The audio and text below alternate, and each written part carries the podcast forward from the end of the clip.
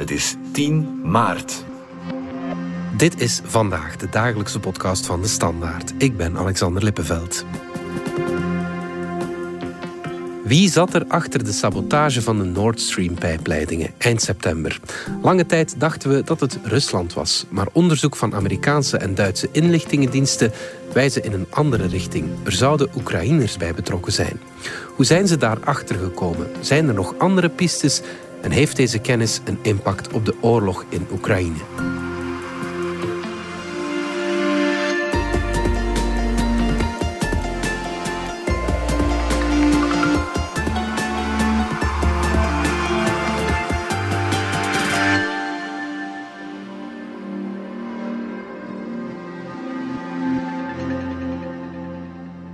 Corianke van onze buitenlandredactie. Neem ons even mee naar uh, de Oostzee, 26 september vorig jaar. Wat is er daar toen gebeurd?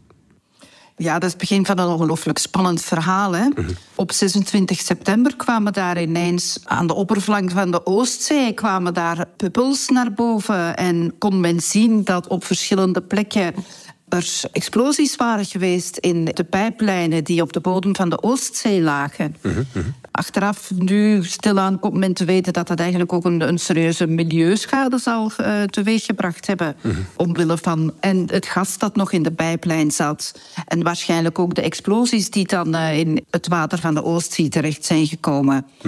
Maar dus ja, die beelden zijn eigenlijk wel fantastisch. Hè? Dat is zo uh, de, de, de, mooie blauwe zee. En dan zie je die witte kringen ja. van de laatste resten, denk ik, bubbelend gas dat naar boven kwam.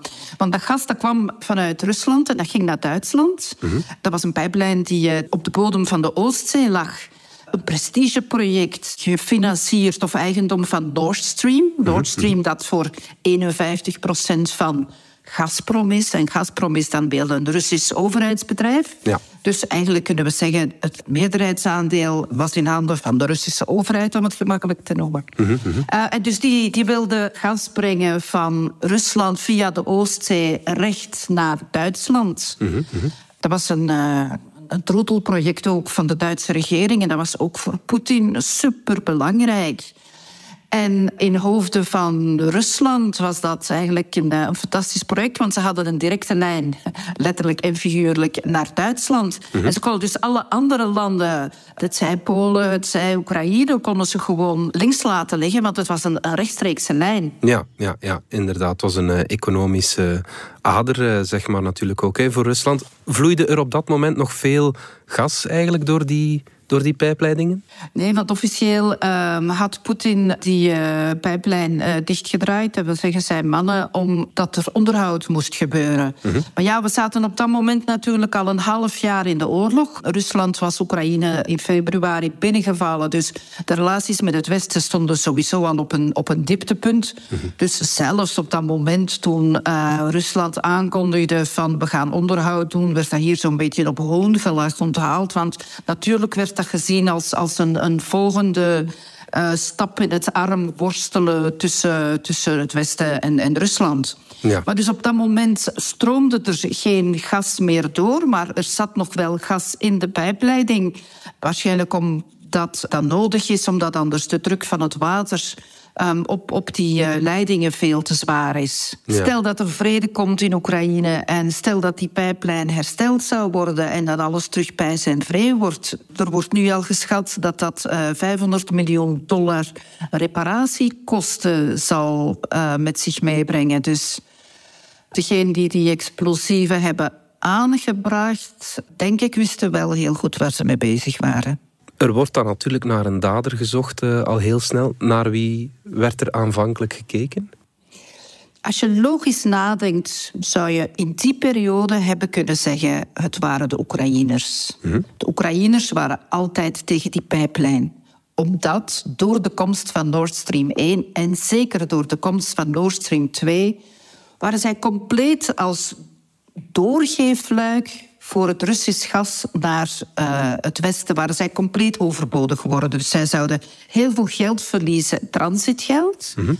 Ondertussen hadden de Russen hun land ook binnengevallen. Dus eigenlijk de eerste bijna instinctieve reactie was... Uh, het zijn de Oekraïners, mm-hmm. omdat ze kwaad zijn. Ja. Een meer bedachtzame reactie. Een paar uur later, enfin, eh, dan zou je kunnen, waren er mensen die zeiden het zijn de Russen. De Poolse minister van Buitenlandse Zaken, Zbigniew Rau, die wees al snel naar Rusland. We are not in a position to reject the notion that this could be an element of Russian hybrid war against NATO. De gasinkomsten zijn ongelooflijk belangrijk voor Rusland. Dus als er minder gas naar het westen gaat stromen, dan gaat de prijs in het kader van spel van vraag en aanbod, gaat de prijs van het gas stijgen en dan gaat Rusland op termijn meer inkomsten hebben. Dus dat, dat was ook een, een optie. Ja, de derde hypothese is dat het de Amerikanen zijn. Ehm, de Amerikanen waren altijd tegen de komst van Nord Stream 2, omdat zij liever hun, hun Amerikaans frackinggas aan Duitsland leverden. En de voorganger van de huidige president, dus de voorganger uh, Trump, had zelf sancties afgekondigd tegen bedrijven die meewerkten aan de bouw van Nord Stream 2. You know, everybody's everybody's talking about it all over the world. They'll say, "Well, wait a minute, we're supposed to be protecting you from Russia, but why are you paying billions of dollars to Russia for energy? Why are countries in NATO, namely Germany, having a large percentage of their energy needs paid, you know, to Russia and, and taken care of by Russia?" En toen kwam Joe Biden en Joe Biden die zei... Ja, de Amerikanen vonden altijd wel dat Duitsland te afhankelijk was uh, van Rusland. Dus dat dat ook geopolitiek niet zo'n gezonde situatie was. Mm -hmm. Maar dus Joe Biden zei ook van... als de Russen Oekraïne gaan binnenvallen... dan is het gedaan met Nord Stream 2. If Russia invades, uh, that means tanks or troops crossing the, uh, the, the border of Ukraine uh, again. Then there will be uh, we there will be no longer a Nord Stream 2. We, we will bring an end to it. Je kunt dat interpreteren dat hij bedoelde er gaan serieuze sancties komen. Anderen zeggen hij bedoelde eigenlijk we gaan de boel saboteren en uh, laten ontploffen. Maar ja. dat heeft hij natuurlijk nooit zo gezegd. How will you do that exactly? Since the project and control of the project is within Germany's control. We will, uh, I promise you, we'll be able to do it. Veel verdachten dus, zeg maar. Maar nu blijkt dat er Oekraïners bij betrokken zouden zijn. Hè? Nu blijkt uit onderzoek hm? dat er een boot vertrokken is vanuit Duitsland... die hm? gehuurd is door een firma die in handen is van twee Oekraïners. Oké. Okay. En die boot met zes mensen aan, aan boord. Twee duikers, twee assistenten, een dokter en een kapitein. Die boot heeft een route afgelegd richting de plek waar de explosies gebeurd zijn. Mm-hmm. Die boot is ongereinigd teruggebracht naar de haven van Rostock, waar hij gehuurd was. En dan hebben speurders gezien dat op de tafel in de cabine, in de kajuit, dat daar resten liggen van explosies. Okay. Dat is wat Duitse journalisten nu schrijven. Dus je zou kunnen zeggen: oké, okay, het zijn deze mensen die de pijplijnen daar explosieven hebben aangebracht. Want er zijn explosieven op tafel gevonden. En dan zou je tot de conclusie kunnen komen: Oekraïne zit erachter. Ja. Dat is een optie. Mm -hmm. Dat is één optie. Ja. Maar dat zijn wel nog heel veel alsen en zouden hè? In, in, in die optie. Ja, ja zeker. Enfin, het meest frappante is dat men tevoren alle specialisten zeiden dat deze explosies echt wel het werk waren van superprofessionals. Mm -hmm. Er werd toen gezegd alleen special forces gaan dat kunnen doen. Die pijplijn ligt vrij diep, die is ongelooflijk goed gebouwd, dubbelwandig. Enfin, dat doe je niet in de wip en gauw daar wat explosies op aanbrengen. Je hebt ook zware explosies nodig om dat kapot te doen. Mm -hmm. De specialisten zeiden al heel snel van de professionaliteit met dat deze aanslagen of deze sabotagedaden zijn uitgevoerd. Dat kan alleen maar zijn door special forces. En dan kijk je naar geheime diensten van een of ander land. Mm -hmm. zelfs jij en ik, Alexander, gaan dat dan toch raar vinden dat zo super professionele mensen de kajuit niet schoonmaken waar resten van explosieven op liggen. Voilà, ja, ja, ja, ja, dat lijkt mij ook nogal bizar. Ik denk dat jij en ik ook nooit via een Poolse firma een boot zouden huren zonder dat wij onze eigen identiteit zouden verstoppen als we zo'n grote sabotagedaad gaan doen. Ja, ja, ja. Dus ik ben geen detectieve helemaal niet, maar ik vind dat het er allemaal nogal vingertek bovenop ligt. Ja. Dat het wel eens deze twee mensen met een Oekraïns paspoort zouden kunnen zijn die hierachter zitten. Ja. En om dan de conclusie daaruit te trekken dat het, zoals de New York Times en de Washington Post te doen, een pro-Oekraïnse groep is, dan denk ik helemaal, wow, wow, wacht eens eventjes. Ja. Want zelfs al heb je een Oekraïns paspoort, je kan gerust pro-Russisch zijn met een Oekraïns paspoort. Dus zelfs dat kan. De paspoorten waren vervalst van de zes mensen die aan boord gingen. Dus op een heel professionele wijze waren ze vervalst. Als jij en ik een explosie gaan doen, dan gaan wij toch ook wel een, een perfect vervalst paspoort op een Venezolaan of ik weet niet wat laten maken in plaats van op onze eigen nationaliteit. Ja. Ik bedoel, al die indicaties. Ik heb wel last, en ik niet alleen hoor. Ehm, specialisten hebben wel last met dat te koppelen aan de professionele wijze waarop die eh, sabotage is, is gebeurd. ja, ja. Pas. De Duitse minister van Defensie, Boris Pistorius, die denkt aan een false flag-operatie van Rusland. Ich will darauf hinweisen, dass auch darüber gesprochen wird, es könnte auch eine sogenannte False Operation gewesen sein. Auch das wäre nicht das erste Mal in der Geschichte solcher Ereignisse. Von da hüte ich mich davor, voreilige Schlüsse zu ziehen. Kan het dat zijn, Corrie, zo'n false flag-operatie van de Russen? Dat is wat Oekraïners natuurlijk graag zouden zeggen, hè? een flag operatie. Hè? Zo, eh, ja, en dan natuurlijk kijkt, officieel nog niet, maar dan kijkt iedereen enfin, vanuit de Oekraïnse zijde naar de Russen. Want wat zou er nu beter zijn voor de Russen die een invasie in Kiev doen? Die zien dat Oekraïne gesteund wordt door het Westen om dan een beetje twijfel te gaan zaaien in het Westen van... ja, maar die Oekraïners die, die blazen eh, pijpleidingen op. Dus in het debat dat hier in Europa woedt van... het is niet onze oorlog, moeten wij betalen voor de gasprijzen die naar boven gaan... moeten wij wapens leveren in, in heel dat discours... Zou het voor de Russen fantastisch zijn als nu het verhaal de ronde zou doen dat, dat Oekraïne de, de pijplijn heeft opgeblazen? En is het dan daarom dat die Zeit, het eh, Duitse weekblad, ja, aarzelde om het uit te brengen? Want ze zeggen zelf dat ze de tip of die hypothese allemaal niet kennen. Hè? Ja, zo, zo eh, heel expliciet formuleren ze dat natuurlijk niet. Hè. Eh, die Zeit is een, een, een kwaliteitskrant met gedegen journalisten. Dus eh, om dan zo'n explosief... Sorry voor het woord, maar dan zo'n explosief verhaal te brengen op basis van enkele tips, waarvan je uiteindelijk niet 100% zeker bent, daar hebben zij voor beslist om dat niet te doen.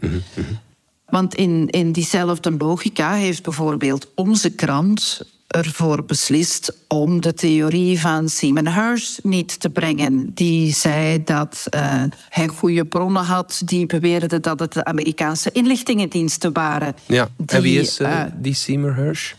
ja, hij heeft de naam als een klok. Hè. Vroeger heeft hij het uh, My Lai-massacre uitgebracht. eh, dat een groot schandaal was van hoe de Amerikaanse soldaten in Vietnam tekeer zijn gegaan. Oké. Hij heeft nog wel een aantal dossiers uitgespit, maar in de loop der jaren heeft hij zo vaak de bal misgeslagen dat er eigenlijk nog weinig mensen nu echt geloof hechten aan theorieën.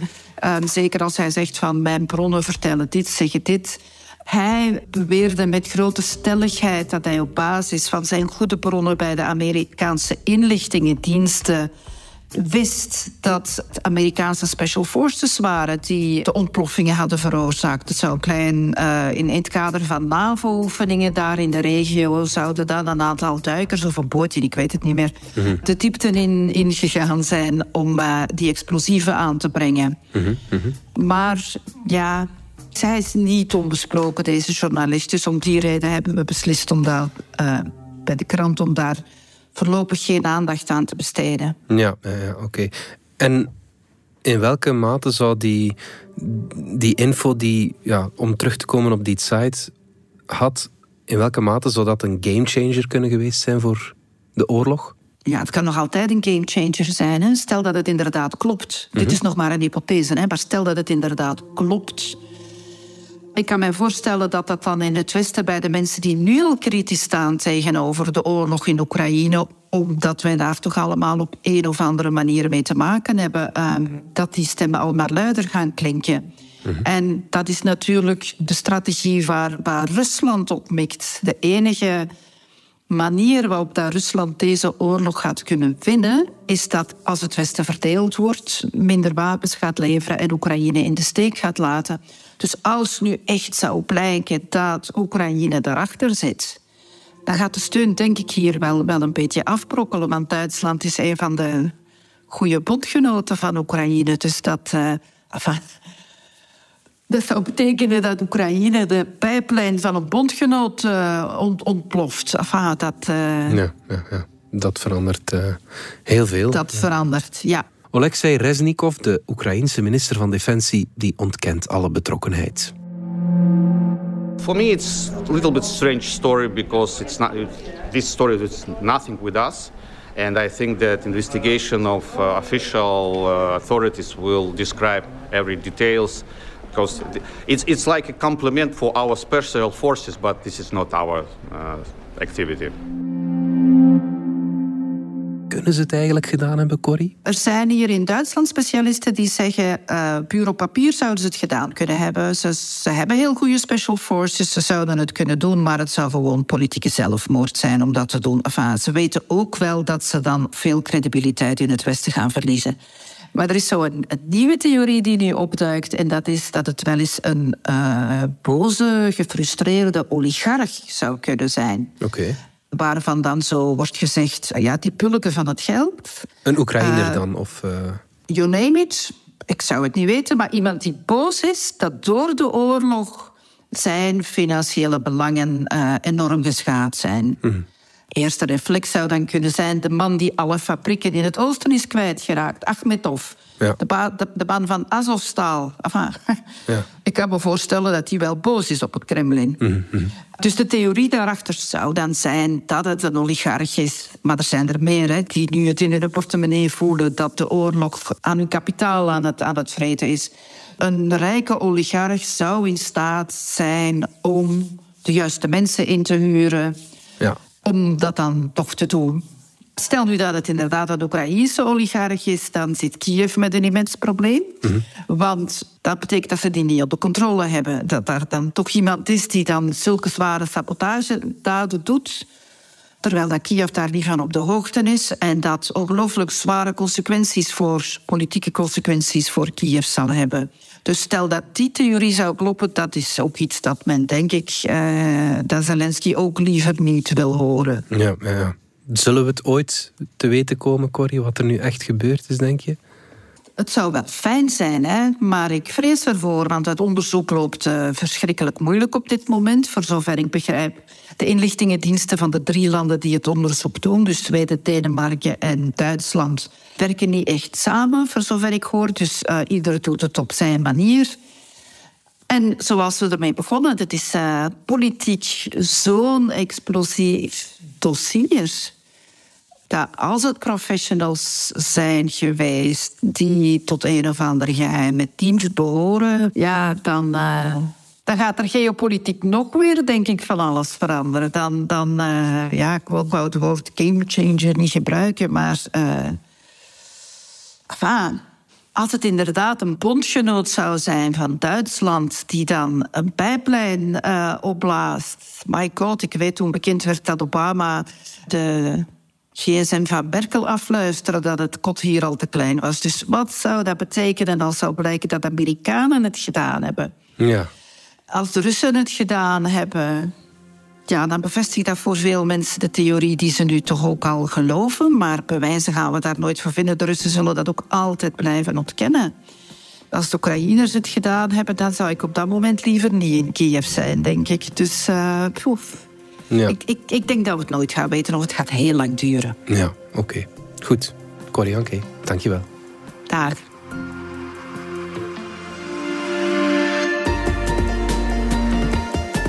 Dit was vandaag de dagelijkse podcast van De Standaard. Bedankt voor het luisteren.